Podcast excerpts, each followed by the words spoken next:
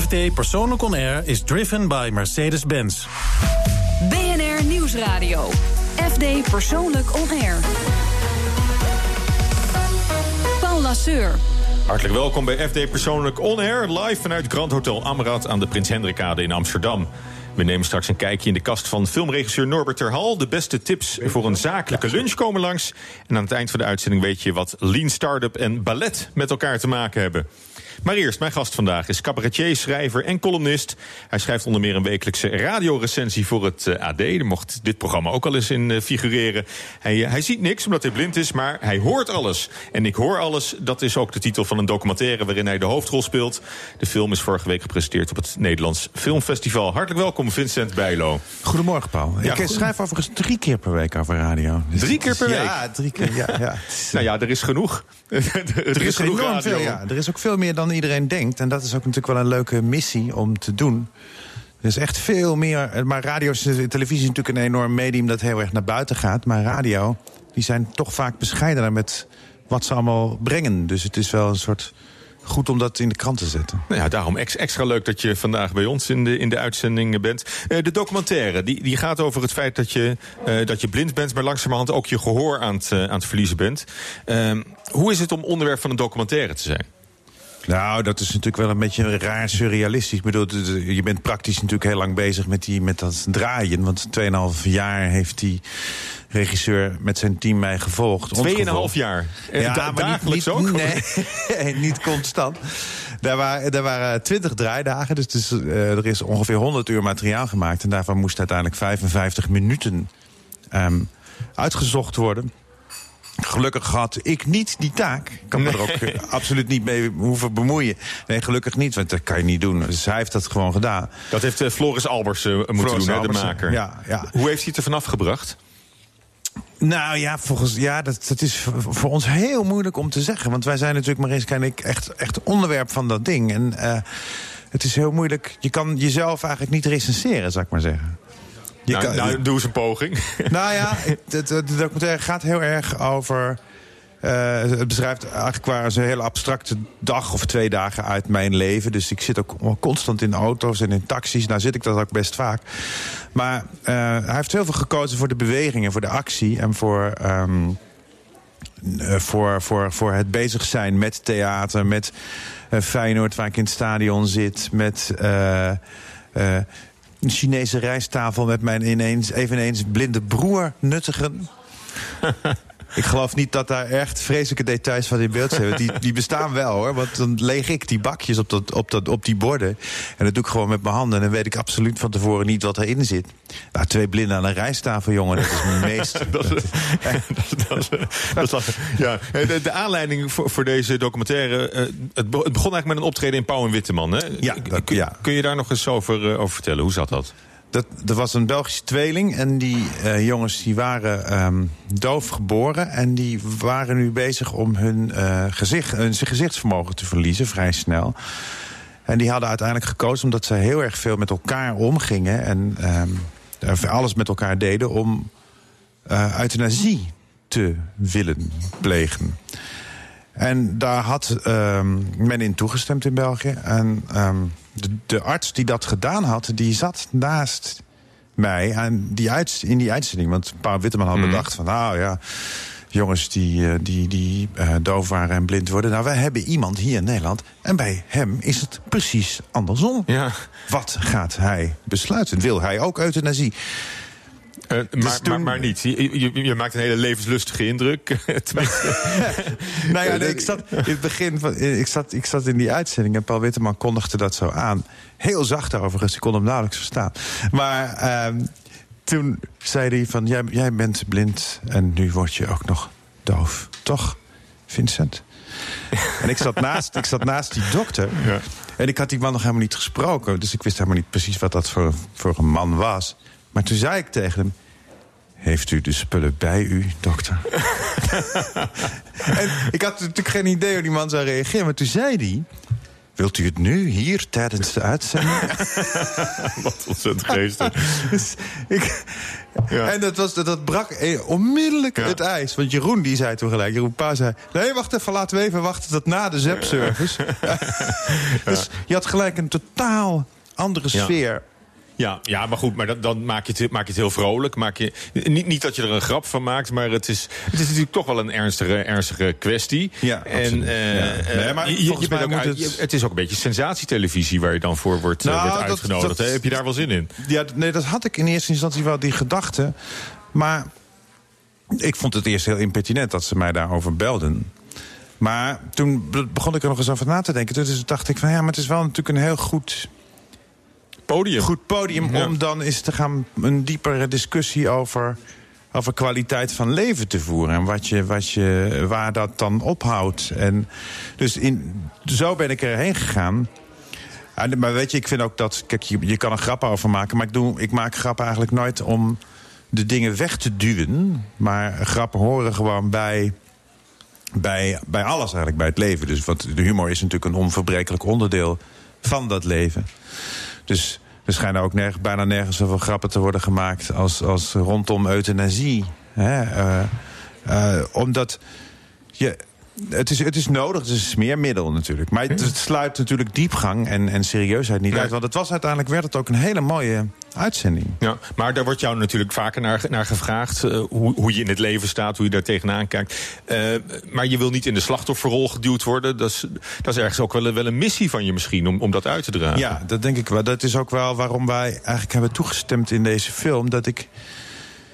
Weet je, Nederland, misschien is wel een van de grootste problemen van onze maatschappij nu, is het slachtofferisme. En of dat nou gaat over eh, gehandicapten of allochtonen of wilderstemmers.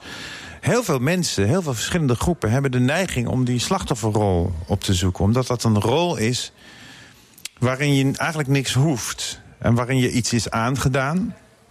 En eh, eh, dan ben jij degene die geholpen moet worden. En mensen die. Je profileert je ook daarmee als slachtoffer. Ja.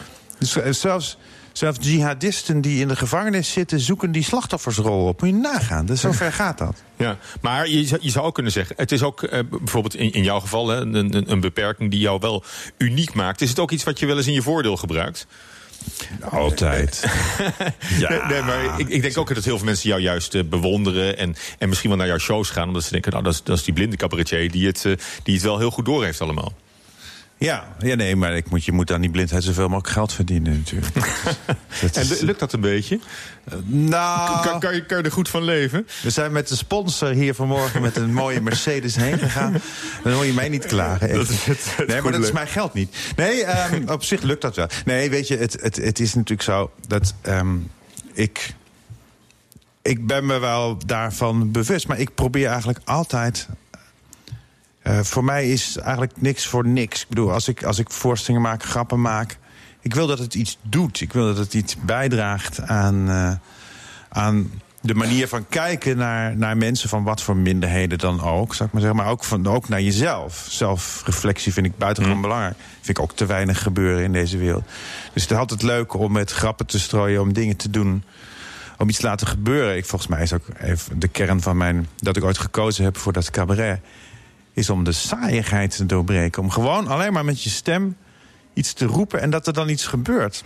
Nou, even over die saaiigheid doorbreken. Eh, we hebben je ook gevraagd, dat doen we met al onze gasten eh, vooraf, om een ideaal weekend samen te stellen.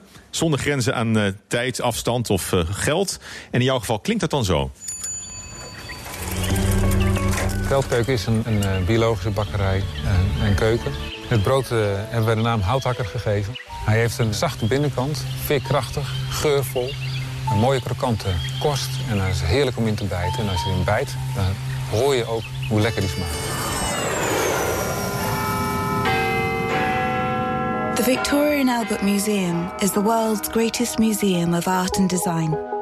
It is free to all, and each year millions of people walk through its doors to see its extraordinary collection and to simply experience the rich atmosphere of the building. In 2025 wil Mars One de eerste vier personen naar de rode planeet sturen. Later wordt het uitgebouwd tot een groep van 40 mensen. Zij moeten een permanente nederzetting gaan stichten. En dat betekent dat het wel gaat om een enkele reis.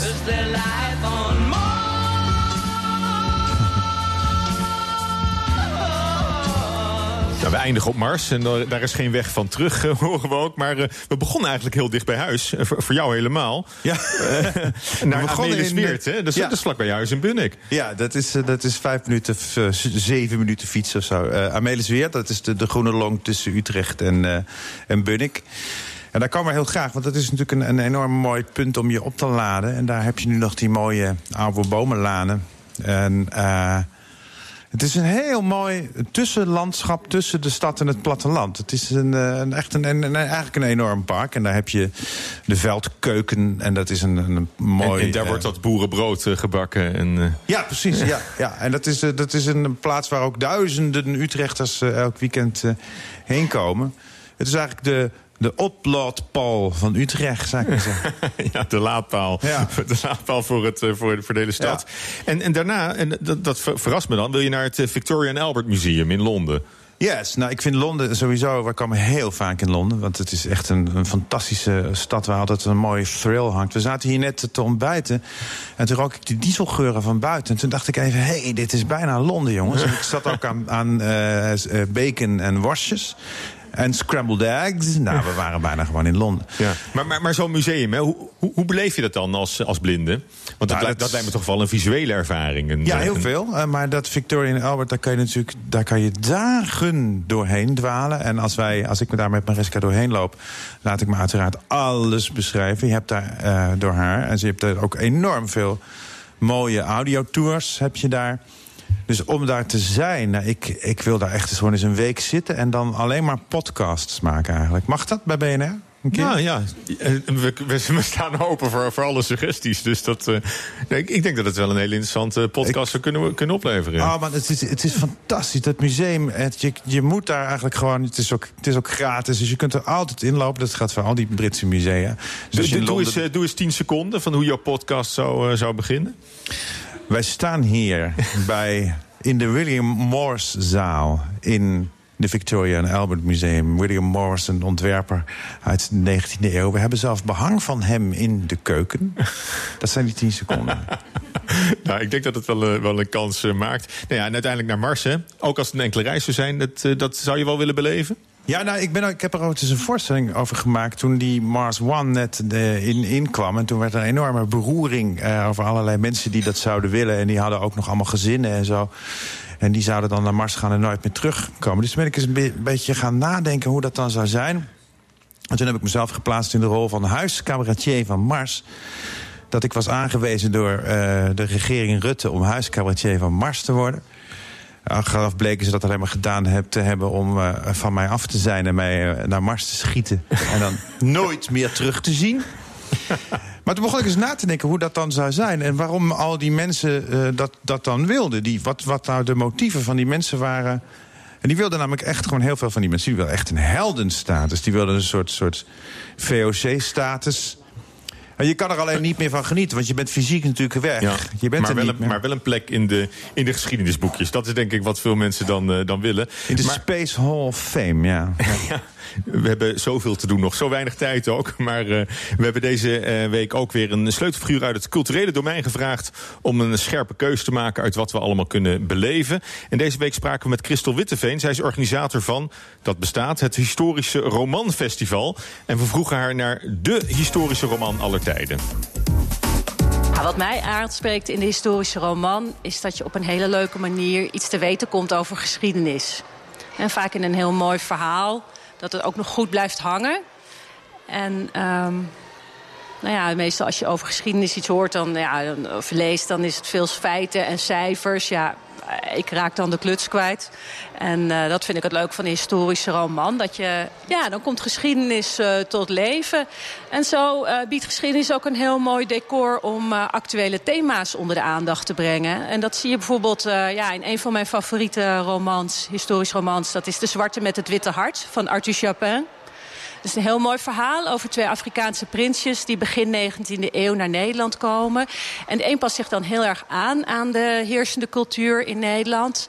En de ander doet dat niet. En Chopin beschrijft dan heel mooi wat dat met die uh, jongetjes doet. En zo uh, ja, bieden historische romans uh, ja, een heel mooi decor heb je dan met geschiedenis... om actuele thema's op een originele manier te belichten. En dat gebeurt allemaal op 8 oktober in Utrecht. Het historische romanfestival is onderdeel van de maand van de geschiedenis. En zometeen praat ik verder met mijn gast van vandaag, cabaretier en columnist Vincent Bijlo. Daarnaast is onze gastronomie-expert Hans van der Meeberg te gast over zakelijk lunchen. BNR Nieuwsradio. FD Persoonlijk On Air. Vandaag is cabaretier en columnist Vincent Bijlo mijn gast. En aangeschoven ook Hans van der Meeberg. Elke week vertelt een expert van ons panel wat zijn oog streelt, zijn tong prikkelt of zijn hart sneller doet kloppen. Mm. En deze week onze gastronomie-medewerker. Hans uh, van, van Miss het Horeca. En je wil het hebben over de zakenlunch. Nou, dat. Ja. Doe je het wel eens, Paul, zakenlunch? Uh, nee, ja, nee? te weinig eigenlijk. Want het, het, het spreekt me ook alweer aan ergens. Aan de ene kant klinkt het saai en, en als een verplicht nummer. Aan de andere kant. Het, het kan heel leuk zijn. Het, het, zijn ook de, de, de leuke kanten van het werk, misschien wel. Vincent, doe jij wel zakenlunch? Ja, heel af en toe. En dan, uh, dan doen we uh, kroketten of een uh, club sandwich. Of, Heerlijk. Een, ja. Ik heb ooit eens bij een keer bij een sterrenrestaurant in Maasbracht gezaken luncht. Oh, wat En er zaten ook allemaal van die, bij Margot Reuten. Ja. En er zaten ook allemaal van die mensen waarvan je denkt van proeven die dit nu wel eigenlijk precies? ja, dat is wel jammer, ja. ja. ja. Denk alleen maar aan de zaak intussen, of ja, aan het, aan het gesprek waar het over gaat. Maar we hebben, het niet, we hebben het niet over een broodtrommeltje dan? Nee, ik denk dat het broodtrommeltje kan heel lekker zijn. Uh, doe dat af en toe. Maar vandaag de dag hebben een heleboel uh, bedrijven hele mooie bedrijfskantines waar je is, goed is, is het broodtrommeltje uitgestorven of niet? Ik denk dat het broodtrommeltje wel uitsterft, ja. Het is niet uitgestorven, maar uh, het is wel aan het uitsterven. Net zoals de reisbureaus. Ja, en steeds, steeds, meer, uh, steeds ja. meer bedrijven hebben gewoon ja. echt een, een goede, ja. goede kantine. en dan en, zeg je bedrijfsrestaurant.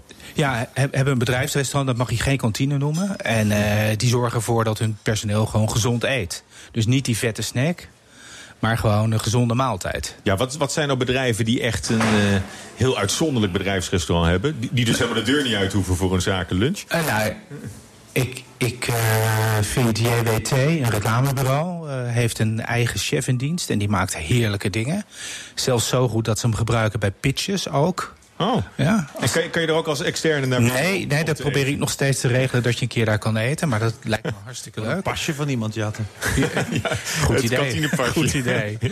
En Price uh, Waterhouse Coopers heeft echt een aantal mooie bedrijfsrestaurants aan de, aan de Zuidas staan.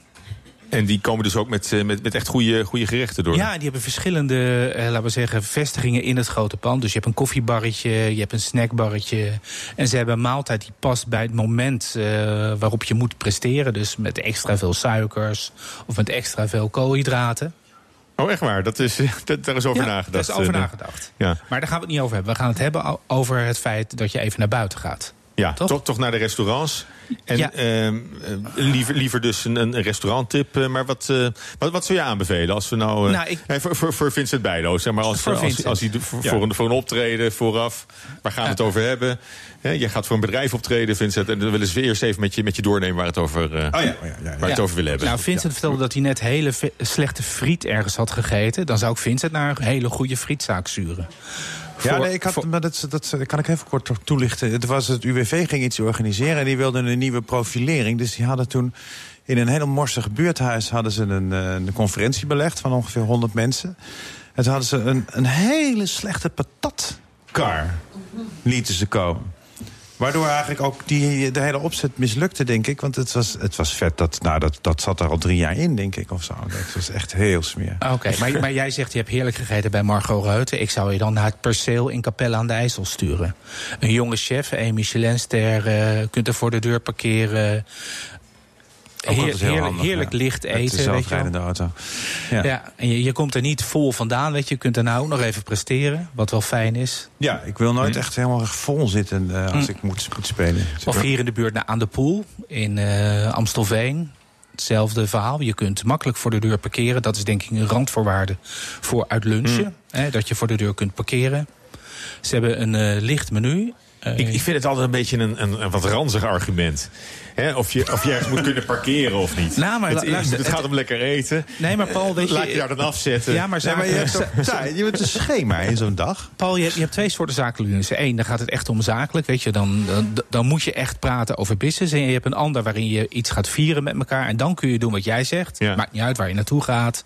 Neem het ervan. Maar in het andere geval moet je misschien binnen anderhalf uur Ja. weer weg zijn. Dus dan is het wel handig dat je goed kunt aanrijden. Voor de deur kunt parkeren. De chef begrijpt dat je een uur weer weg wil zijn. Wat, wat is daar het voorbeeld van? Nou, de, de twee die ik noem kunnen dat perfect doen. Maar bij jullie, bij BNR, heb je de bedrijfskantine Dauphine.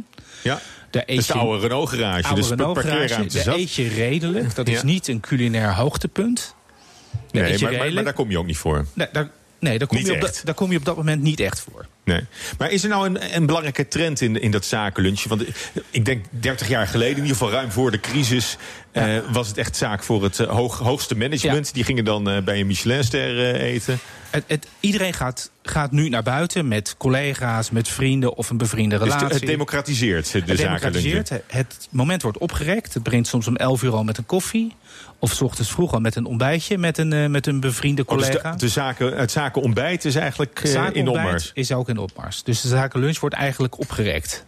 Ja. En, maar ook de, eh, de, de, de, de Nederlandse spoorwegen spelen erop in. Je kan ook op, op stations... Ja, op- je ziet dat de plekken waar veel mensen zijn... komen nu gelegenheden waar je elkaar ook kunt ontmoeten. Schiphol heeft eh, restaurants in de buurt. Alle grote stations hebben verschillende restaurantconcepten... in de hallen voor en achter zitten. Rotterdam en Amsterdam. Dus foodhallen, foodtrucks misschien wel? Foodhallen, foodtrucks op bepaalde... In, eh, op de Zuidas is ooit de Trail Grill begonnen... van Robert Kranenborg in een foodtruck. Ja, is, is, is die er nog steeds of niet? Nee, die is, dat zijn nu restaurants geworden. Die truck is er niet meer, voor maar wel een, wel een aanrader, die restaurants. Als Die, je die tussendoor... restaurants, als je een hamburger wil eten, aanrader. Oké, nou, je je hebt eh, nog tijd voor, eh, voor, voor een top drie. Voor een top drie. Ik, nou, ik, ik zou zeggen van, eh, ga je, ben je in Utrecht, ben je naar een congres in de jaarbeurs. Ga je naar Spijs, dat is in de jaarbeurshallen. Verschillende restaurantdingetjes vlak bij elkaar. Beetje een food court. Een soort eh, upmarket food court. Hartstikke leuk. Ik zou zeggen de lobby van Hotel V, vlakbij Dauphine, maar veel beter eten. En net zo makkelijk bereikbaar vanaf het Amstelstation. En ik zou zeggen, eh, toch wil je lekker eten, het perceel in Capelle aan de IJssel, in de buurt van Rotterdam. Kwartiertje met de auto vanuit het centrum Rotterdam voor de deur parkeren. Maar dan kan je wel even fijn. indruk maken op je Kun je zakenrelatie. indruk maken op je zakenrelatie, ja. En dat is misschien En dat is wel een- soms ook belangrijk. Ja, ja. misschien wel. Van de klassieke zakenlunch is dat misschien wel het belangrijkste aspect. Ik vind van wel, Paul. Dankjewel, Hans van der Meewer. Graag gedaan. Ja, Tom uw kast en ik vertel wie u bent. Met die woorden belt Hugo Krant elke week aan bij een bekende Nederlander. En deze week is dat filmregisseur Norbert Terhal. Hallo. Hallo, dit is Joël van BNR. Hoi, het is drie hoog en dit is het lief. Hallo. Norbert Terhal in zijn eigen habitat. Zeker. Ik nam graag een... Nou, ik nam graag eerst een kijkje in uw kast. Dat is goed. En welke kast wil je dan bekijken? Ik heb hier een dobbelsteen. Ja. Hebben we zes kasten nodig. Oké. Telt dit als één kast? Prachtige boekenkast. Ja, over drie verdiepingen. Tel toch maar als één. Shit. Eh, twee is de ijskast. Perfect. Drie eh servieskast. Eh, beneden een kleerkast. Een ladekast. Dan zitten we op vijf. Ja. En dan iets spannends op zes. Een brandkast, een medicijnkast, Ja, ik snap dat dat... eh, nachtkastje. Nee, heb ik ook niet. De stoel heb ik als nachtkast. Eh shit, man. Een, eh, nou, de kast in de... Hoe heet het? We hebben nog zo'n berging. Daar staat ook een kast. Nou, doen we die op zes. ook niet dat dat hem wordt. Nou, komt-ie. Twee. Dat is de ijskast. IJskast was twee? Oké, nou komt-ie. Daar staan we precies Daar voor. staan we al, ja, namelijk. Tja. Nou, een goed gevulde ijskast. ja, denk ik ook. Heel veel potjes en flessen wijn. En Caspacho, daar is niet echt het weer voor. Nee, niet echt het weer, maar eh, het is wel heel toepasselijk. Ik kom namelijk net uit Spanje. En deze is meege- meegenomen uit heb ik wel Spanje. hier gekocht, maar het is ja... Het, is wel, eh, het heeft wel een reden dat ik eh, nog eh, bijna... In, het is bijna winter, hoewel het vandaag wel mooi is. Nog Caspacho, omdat ik natuurlijk film in Spanje wil maken. Kijk, dit heb ik wel meegenomen uit Spanje gisteren. Spaanse ham. Ik wil een film maken in Spanje. Daar droom ik al meer dan vijf jaar van. En nu ben je eigenlijk al voorwerk aan het doen... terwijl die film er nog niet is? Of Precies. ligt er al scenario? Het scenario is er. Eh, we hebben een hoofdrol. Sterker nog, eh, de hele film is geschreven op de actrice die de hoofdrol speelt, Loes Luca. Die heeft ook wel wat Spaans. Ja, hè? ja ze, ze heeft niks. Ik bedoel, ze, er is niks Spaans in haar, voor, voor zover ik weet, in haar familie of iets. Maar toch, dat vind ik In ook. haar uitstraling, ja. Ja, ze heeft wel iets mediterraans. Ze is natuurlijk heel erg extrovert. Ik, denk, ja, het is een heel erg mooi, ontroerend verhaal. En ik denk dat zij... Je kent haar natuurlijk ook van allerlei sketches en rare typetjes... maar dit is wel echt een, een verhaal wat zij eh, over... Ja, oh, dit, is, dit, dit gaat voorbij een grap. Dit is echt een mooi verhaal. Maar ik denk wel dat zij perfect is voor deze rol. En het verhaal is wederom geschreven door jouw partner Robert... Nee. Oh, niet? Nee, de- deze keer is geschreven door Roos Ouwehand. Oh, je gaat vreemd? Ik ga qua scenario schrijven, ga ik eh, vreemd, Oké, ja. alleen qua scenario Ja, schrijven. alleen En dat, waarom ja. is die film er nog niet? Waar wachten jullie op? Geld. Ja, geld, ja, zoals altijd op geld. En eh, nou ja, dat is natuurlijk voor een heel groot deel... eh, komt dat van het filmfonds en van een omroep... en van een Spaanse co-producent. Maar ja, uiteindelijk is film maken gewoon super duur. En missen wij nog een heel klein stukje in de financiering. Maar die film is er nog niet, maar jullie gaan er gewoon van uit dat hij er komt... en daarom ga je gewoon naar Spanje toe. Eh, ja, nou ja, je moet natuurlijk. Ja, we, eh, om die film te draaien is het het mooist om dat in het voorjaar te doen. Want dan is het mooi weer en nog niet zo heet dat je denkt, die kunnen niet draaien. Volgend voorjaar komt al best eh, eraan. Dus als ik ga wachten nu dat alles helemaal rondkomt... dan is het, is het al bijna voorjaar. Dus ik moet met een, ja, hopende dat alles goed komt... moet ik toch al de voorbereidingen gaan treffen. Ja, ik bedoel, ja, dat, zo gaat het eigenlijk altijd met film. Ja, en als die film er niet mag komen, dan zit jij met een strop. Ja, dat is, ja, nou ja, dat, ja, dat is dan heel erg. Maar ja, je houdt dan wel lekker deze... Precies, nee, ja. Deze Serrano-ham, wat is Ja. het? Ja, Serrano ham. Ja, van, eh, van, dit was dan die, ja, hoe heet het, die van die eh Pata Negra. Eh, Hoe heet het, dat die eikeltjes eh, gegeten heeft, het varken. Nee, dus, en eh, wat belangrijk is, we zijn natuurlijk aan het crowdfunden nu. Als we hem dicht doen? Nou, je mag nog even... ehm, mensen die willen crowdfunden, waar moeten die heen? Die moeten naar cinecrowd.com. En dan wijst het zich vanzelf. Ja. Doe hem dicht. Ik doe hem dicht, hè? Dat was de ijskast van filmregisseur Norbert Terhal. En zometeen zijn we terug met Vincent Bijlo en met Mark Maris. Daarmee hebben we het over de Lean Startup methode... en hoe deze bijdraagt aan het maken van een dansvoorstelling. BNR Nieuwsradio. FD Persoonlijk On Air. En vandaag is Vincent Bijlo het hele uur mijn gast. We kennen hem als cabaretier, columnist en radiorecensent. En wat we misschien niet weten, Vincent, is of je van dans houdt. Hou, hou je van dansen?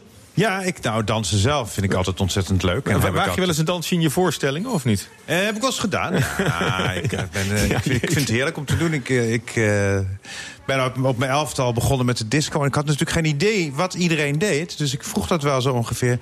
Ik moet heel snel het idee eh, loslaten dat je voor lul staat als je, als je dan danst. Oh, maar dat, dat geldt voor ons allemaal, denk ik. Ja, nee, maar je doet dus maar wat. Maar ik, heb dus, ik kan, kon dus niks nadoen. Eh, en dans zelf, moderne dans. Ik ben bevriend geraakt met Anouk van Dijk. En die had een dansgezelschap hier in Utrecht. Dus van haar heb ik heel veel geleerd over wat je, wat je met, met, met dans, met beweging kunt zeggen en wat niet. We hebben heel vaak met onze, eh, onze voorstellingen... Zij hielp mij met mijn try-outs en ik met haar try-outs. En dan ging ze gewoon uitleggen wat ze wilde en, hoe, dat, hoe dat in elkaar zat. Dat was ontzettend interessant. Ja, want Ja. Hoe, wat, hoe beleef je dat dan? Hoe, hoe, hoe komt dat eh, bij, bij je binnen? Gewoon heel veel over praten. En ik, heb, ik, ik heb, werkte toen bij het gesprek, eh, die televisiezender Ja. hier. En toen mocht ik beeldend kunstenaars bezoeken. Ik heb Anouk bezocht. En wij zijn dansvoorstelling van haar gaan analyseren op tv. En eh, ze had ook een dans, danseres eh, bij zich... die ik gewoon ook letterlijk mocht voelen in al haar bewegingen... wat ze aan het doen was. En ja, dat heeft mij heel veel geleerd. Ja? Nou, dat, eh, dat is inderdaad een extra dimensie ook aan, aan de dans, eh, denk ik. Ik stel je graag voor aan Mark Maris. Hij is creatief medewerker merker van eh, de Nederlandse Dansdagen in Maastricht. En dat festival bestaat dit jaar 20 jaar. Dag Mark. Hallo. Eh, de Nederlandse Dansdagen heeft een duidelijke missie. Wat, wat is jullie eh, opdracht eh, voor jezelf? Eh, onze missie is eh, eigenlijk de rijkdom en de diversiteit van, van die Nederlandse dans. Alle dans die er in Nederland is. ehm, bij zo'n groot mogelijk publiek naar voren te brengen. En daarbij ook vooral aan te geven dat, dat er niet alleen klassiek ballet is. maar dat er ook moderne dans is, ook urban dans. en eigenlijk al die, naast alle vier grote gezelschappen. dat er ook heel veel jonge choreografen zijn. die ook heel veel mooie dans maken. waarbij het lichaam echt centraal staat. Ja, maar ben je niet bang dat als je het voor de millions gaat brengen, dans, dat het daarmee ook verwatert? Dat zeg maar de artistieke kwaliteit ook een beetje eh, daarop eh, inlevert? Eh, nee, we hebben eigenlijk gewoon voor, voor ieder wat wils tijdens ons festival. Het, is, het zijn vier dagen, 5 tot eh 8 oktober. Volgende week begint het. Ehm, ehm, en voor iedereen is er eigenlijk iets. Dus eh, daarmee zijn we gewoon heel specifiek ook op. eh, Toch wel. ja. Voor, voor elk wat wils. En op, welke manieren brengen jullie die dans dan eh, onder de aandacht bij het, bij het publiek? Ehm, we hebben grote zaalvoorstellingen, kleine zaalvoorstellingen, voorstellingen op locaties door heel Maastricht heen, op de, op de meest bijzondere locatie, om ook die stad te laten zien en, en hoe dans ook kan interageren met, met bijzondere omgevingen. En, eh, ehm, dat doen we en daarnaast hebben we ook eigen projecten waarin we ook een impuls geven aan dans op allerlei verschillende manieren. Op zowel politieke en maatschappelijke eh, thema's als, eh, eh, als de artistieke. Ja, maar goed voor bezoekers aan Maastricht is het leuk dat je een soort proeverij van, van dans kunt, kunt meemaken. Ja, het is, het is eigenlijk het is zo'n bom, bomvol programma dat je, dat je iets kunt doen waarvan je zeker weet dat je het leuk vindt, maar daarnaast ook nog iets anders kan proberen eh, om eh, een andere stem. eh, Een soort dansprevenement. N- Zeker, ja, dat past helemaal in Maastricht natuurlijk. Ja. Dansprevenement. Ja. ja. En dat, eh, ehm, jullie hebben ook een, een awardshow, hè? Ja, ja, wat heel bijzonder is aan, aan de Nederlandse Dansdagen is dat, ehm, dat we eigenlijk de meest bijzondere dansprijzen van, eh, van Nederland ehm, uitreiken. Eh, Dat zijn onder andere de Zwanen, de Oscars onder de Nederlandse dans. Ehm, Ja, I- Igor de, de Jong die kreeg een oeuvre ja, zwaan. voor- vorig jaar de Gouden Zwaan. En eh, dit jaar hebben we een eh, zwaan voor de beste prestatie. Voor een, een danser die in Mhm. het seizoen eh, de mooiste prestatie heeft gegeven. En een zwaan voor de meest bijzondere voorstellingen die, die het afgelopen seizoen is geweest.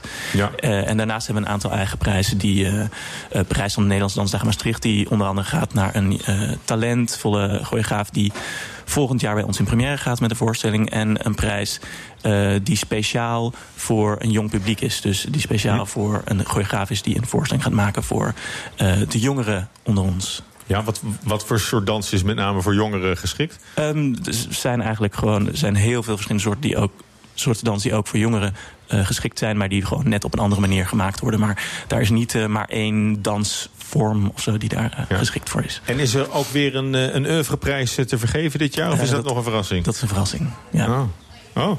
Ja. Dus, eh, Dus kun je iedereen moet in ieder geval. Op, vrij, op vrijdagavond is, het, eh, de, is de Nederlandse Dansdagen Gala. En daar worden al die prijzen uitgereikt. eh, gecombineerd met een aantal voorstellingen van onder andere Connie Jansen Danst eh, en eh, Club Guy en Roni.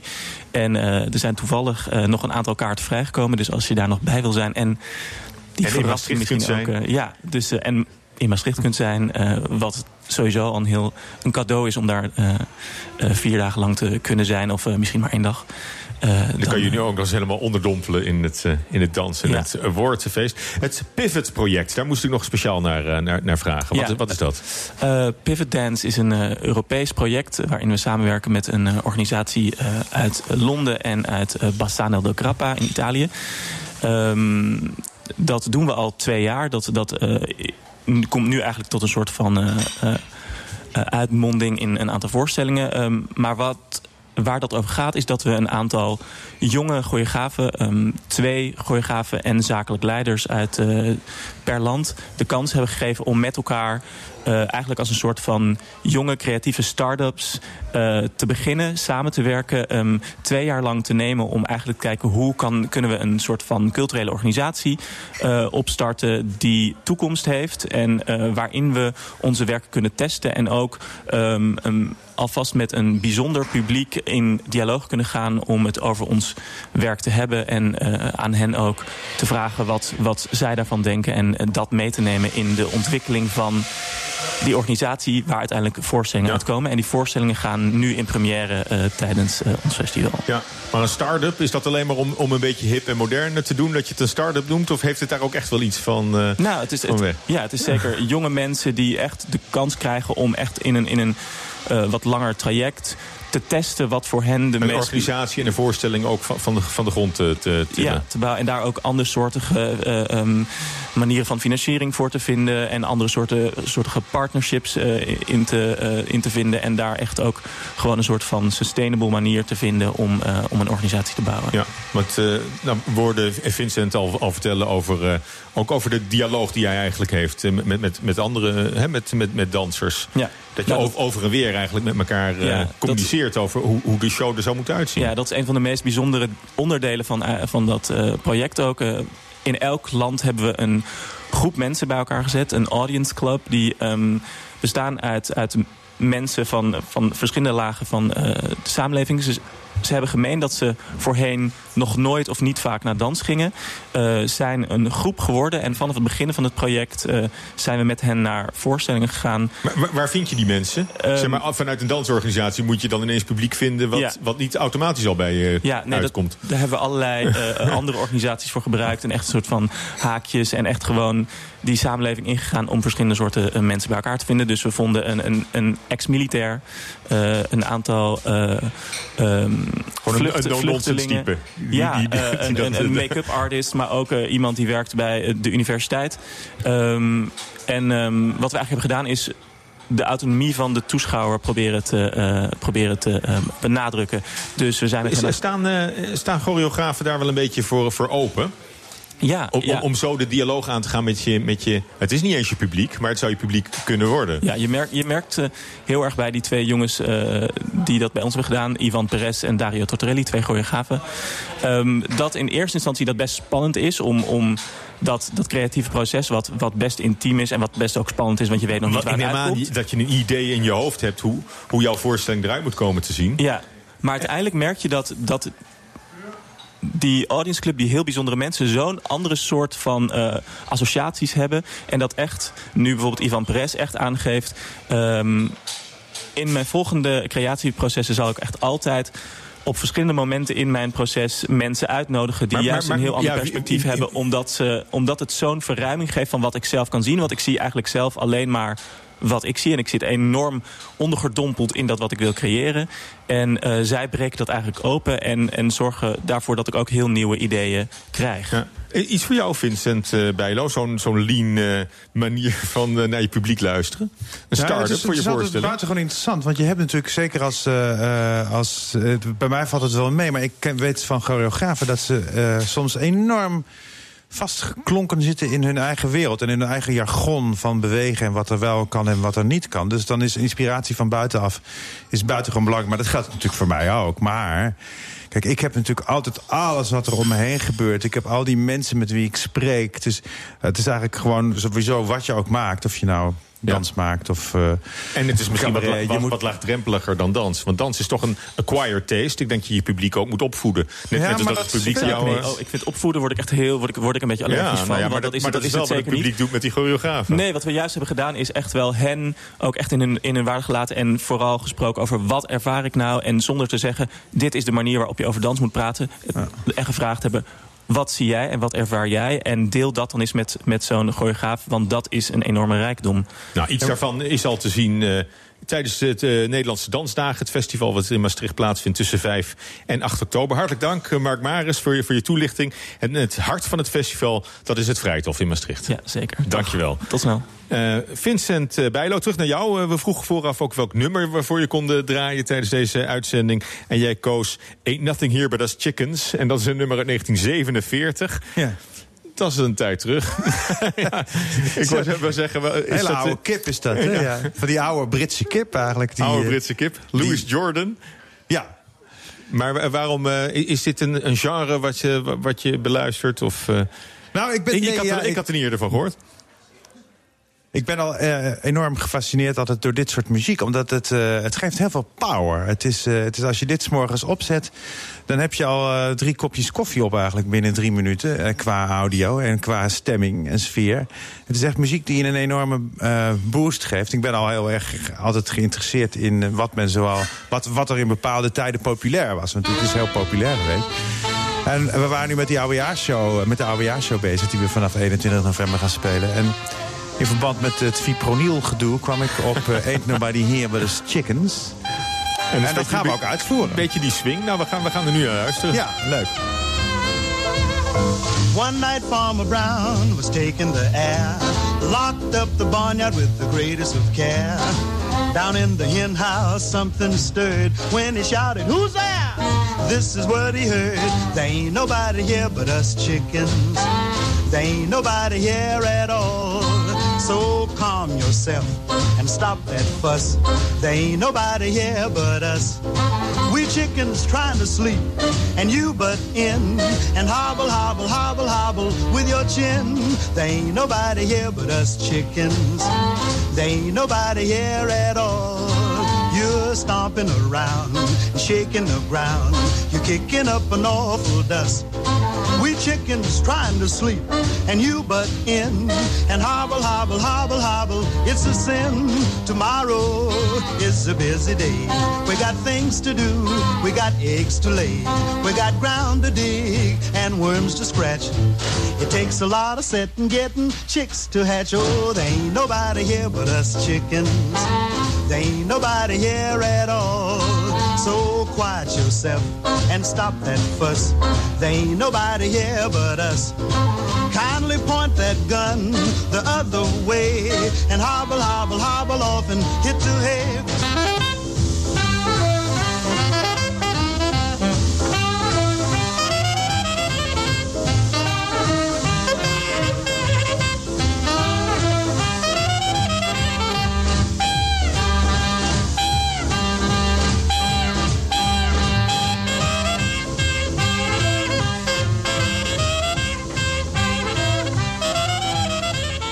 Was Ain't Nothing Here But Us Chickens van Louis Jordan. En zometeen ben ik terug met cabaretier, columnist Vincent Bijlo. Tot zo. BNR Nieuwsradio. FD Persoonlijk On Air. Vandaag is Vincent Bijlo het hele uur mijn gast. Eh, Vincent, eh, in veel van jouw verhalen komt jouw broer aan bod. Ja. Eh, z- zijn jullie een hecht koppel? Ah, dat valt eigenlijk best mee. We, we, we spreken en, en zien elkaar niet echt enorm vaak. Hij woont wel redelijk in de buurt.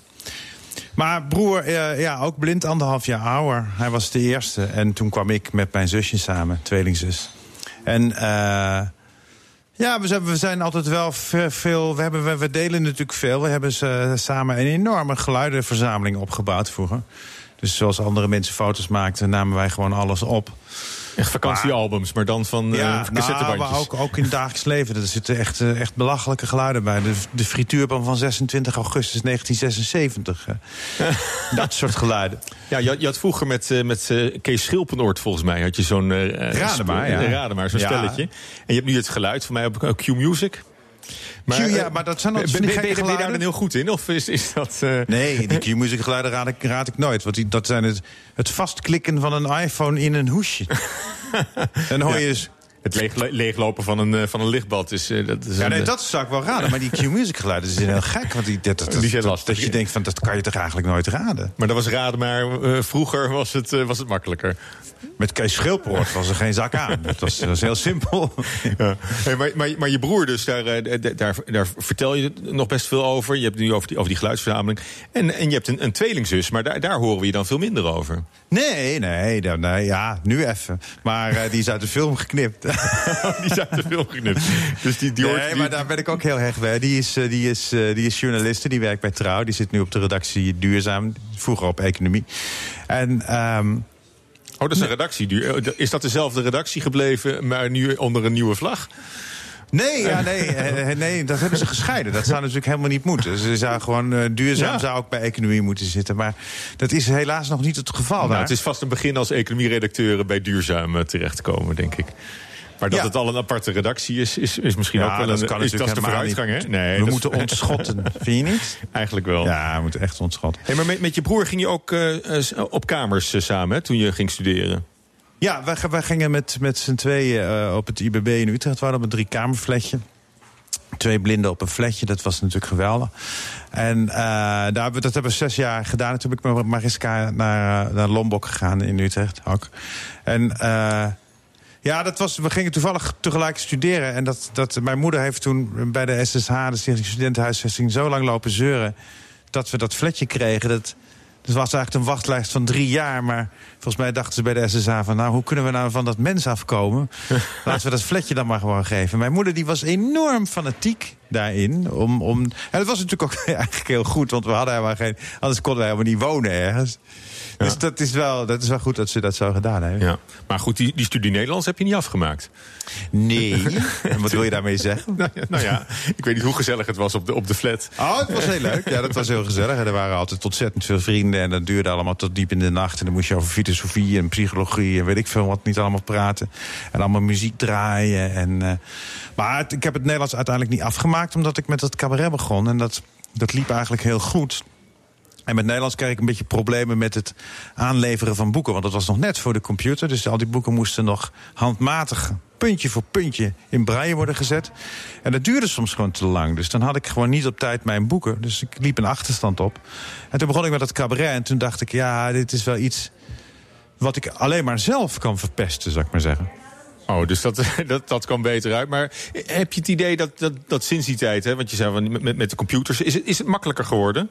Ja. Is, is, is de wereld meer op, eh, op blinden berekend dan, oh ja, eh, dan vroeger? absoluut. Ja, ja? we leven nu echt in een ongelooflijk goede blindentijd. Want alles is ontsloten. Ik kan tegenwoordig met mijn iPhone gewoon alles wat jij ook kan, ja, behalve foto's, dat is dan wat moeilijker. Dat, die beschrijft hij overigens wel.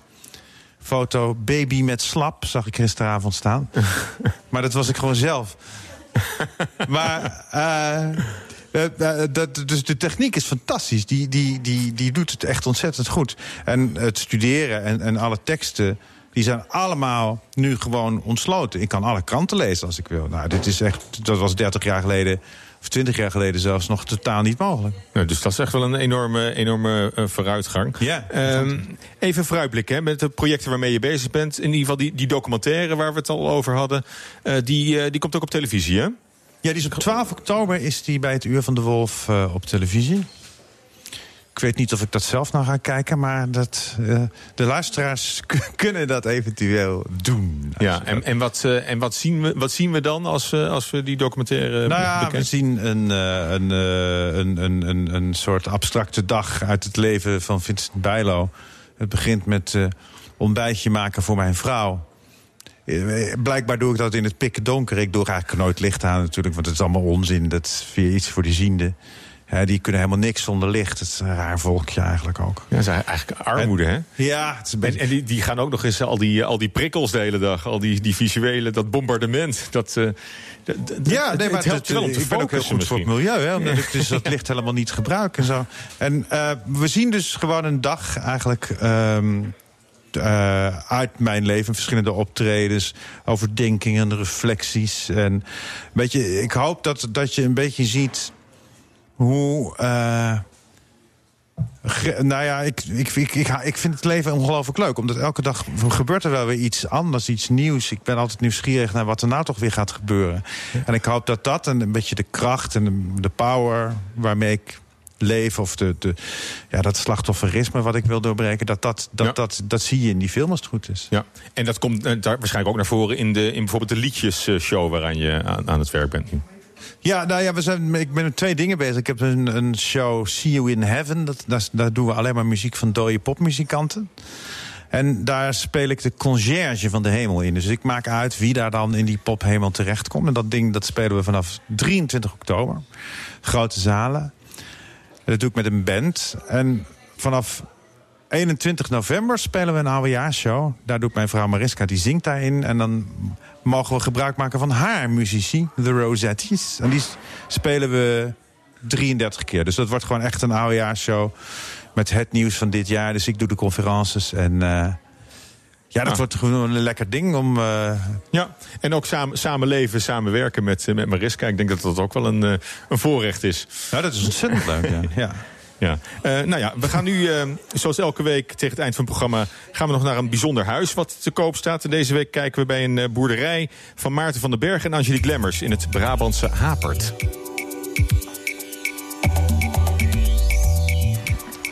Het is hier heerlijk rustig. In het begin wel wennen, maar eh, nu genieten we er wel elke dag van, van de rust. Ja, Maarten, Angelique. Hoeveel, hoe groot is die tuin eigenlijk? Hectare grond. Groot, hè? Ja. Ja. En die boom? Die boom, die treurwillig, die, eh, die staat nu tien jaar. Die hebben jullie geplant toen jullie hier kwamen wonen? Ja, die hebben wij hier geplant de dag dat wij, eh, dat wij hier kwamen. Het is al een flinke boom geworden, hè? Ja, goed, hè? We zijn omringd door, eh, door de schone natuur eh, midden in het campusgebied. Hapert is ook vlakbij trouwens. Ja, het centrum van Hapert ligt eh, op, eh, op denk 200 meter afstand. En dan toch zo rustig. Gaan we lekker naar het, naar het huis lopen? Is nog even een eh, tippel. In 1952 is het hergebouwd. Het is in de, in de oorlog eh, plat gebombardeerd. En officieel bestaat het pand uit 1902. Een boerderij? Boerderij voor eh, koeien. En uiteindelijk hebben wij er een bestemming woonboerderij van gemaakt. En jij hebt daar ook een eh, fotostudio, geloof ik, hè Angelique? Ja, precies. Fotostudio en eh, grafisch bedrijf. Waar de, waar de varkens vroeger stonden. Of de, de, de, de- Paarden, de paarden en de koeien inderdaad. En de kalfjes. Ja, helemaal goed. Ik zie al mooie oude plavuizen in de keuken. Ja, klopt. We hebben ehm, zoveel mogelijk van, het hele, van de hele boerderij in oude staat terug proberen te brengen. Alles branderen die hebben we op twee plekken in het huis. Want ik eh, heb echt een hekel aan de kou. Wel overal dubbel glas en met van die kleine ruitjes. Zoals het hoort in een oude boerderij. Ramenlappen. bah. Heel veel werk. Daar ben je een dag mee bezig. Eh, hoeveel vierkante meter hebben jullie wel niet, zeg? Hmm, Maarten, help eens. 10.000 vierkante meter grond en we hebben 395 vierkante meter woonoppervlakte. Dat is genoeg. Dat is meer dan genoeg. En daarnaast hebben we nog een aantal schuren. Dus 70 vierkante meter opslagruimte zit er nog bij. En een hele mooie ruïne in de, in de tuin. Ja, die vond ik wel bijzonder, ja. Wij hebben ervoor gekozen om hem te laten staan. Want we mogen nog een stuk aanbouwen. Eh, van 90 vierkante meter aan de boerderij zelf. Die oorspronkelijk nog bij de boerderij hoort. En de ruïne vinden we gewoon erg, een, een erg mooi detail van ons huis. Dus die, eh, ja, die hoort erbij als sier. Ik snap er geen bal van dat jullie hier weg eh, willen. Nee, wij, wij zelf hebben er ook al een heel erg dubbel gevoel over om hier weg te gaan. Het wel echt een hele mooie plek om te wonen. Maar voor ons twee en, is het wel echt te groot. We hebben twee kinderen en die gaan het voortgezet onderwijs. En die willen heel graag meer in het centrum. Wat hoop je ervoor te krijgen? 795.000 euro. We zijn expres iets eh, onder de prijs gaan zitten die ervoor staat. Eh, want we gunnen hem wel aan mensen die, hem- die er echt iets moois mee kunnen.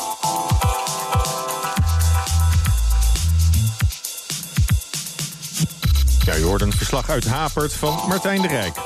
Misschien iets voor jou, Vincent Bijlo, op een boerderij wonen? Ja, 795.000. Eh, Nou ja, bijna er vier- eens- ja, maar 400 het is- vierkante meter eh, woonruimte. Ja, het lijkt me geweldig. Ja. Soms verdwaal ik al op een invalide toiletje.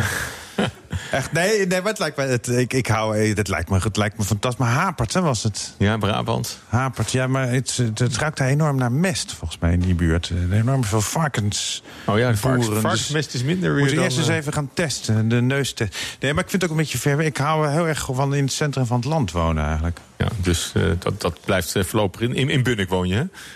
Ja. Heb je nog dromen, heb je nog, dromen voor, de, voor de toekomst? Ben, ben je een beetje een, een, een plannenmaker? Nou, ik wil volgend jaar heel graag een nieuwe roman schrijven. Daar ben ik al wel mee bezig. Maar dat, dat vereist natuurlijk heel veel eh, reflectie en, en heel lang zitten. Dus dat lijkt me wel. Dat, dat is wel echt een, een enorm plan om dat volgend jaar echt te gaan doen. Omdat ik zo graag wil dat, dat mijn roman zich ook gaat verdiepen. En, en, en dus dat, is, dat, is, dat wil ik heel graag. En eh, ja, mijn dromen worden heel erg va- vaak bepaald door, door de hele nabije toekomst. Van wat er nou toch weer allemaal op een pad komt. Ik wil natuurlijk ook wel weer eens een nieuwe liedjes-CD maken en zo. En eh, ja, dat, dat soort dingen. Maar daar kom je allemaal niet aan toe waarschijnlijk, hè? Want je hebt eerst nog eh, de See You in Heaven hè, en de Oudejaarsshow. Ja, nee, dus voorlopig gaat dat allemaal even niet. Maar het, het, ik weet je, alles is leuk. Dus het is. ik, ik vermaak mij uitstekend. Nou, fijn dat je mijn gast kon zijn. Dat je daar nog tijd voor hebt, eh, hebt gevonden. Hartelijk dank, eh, Vincent Bijlo. En jij bedankt. Nou, heel graag gedaan. En dit was FD Persoonlijk On Air vanuit Grand Hotel Amrad in Amsterdam. Wilt u items terugluisteren, dan kan dat via de podcast. U vindt ze op bnr.nl en de bekende kanalen. Tot volgende week. Fijn weekend.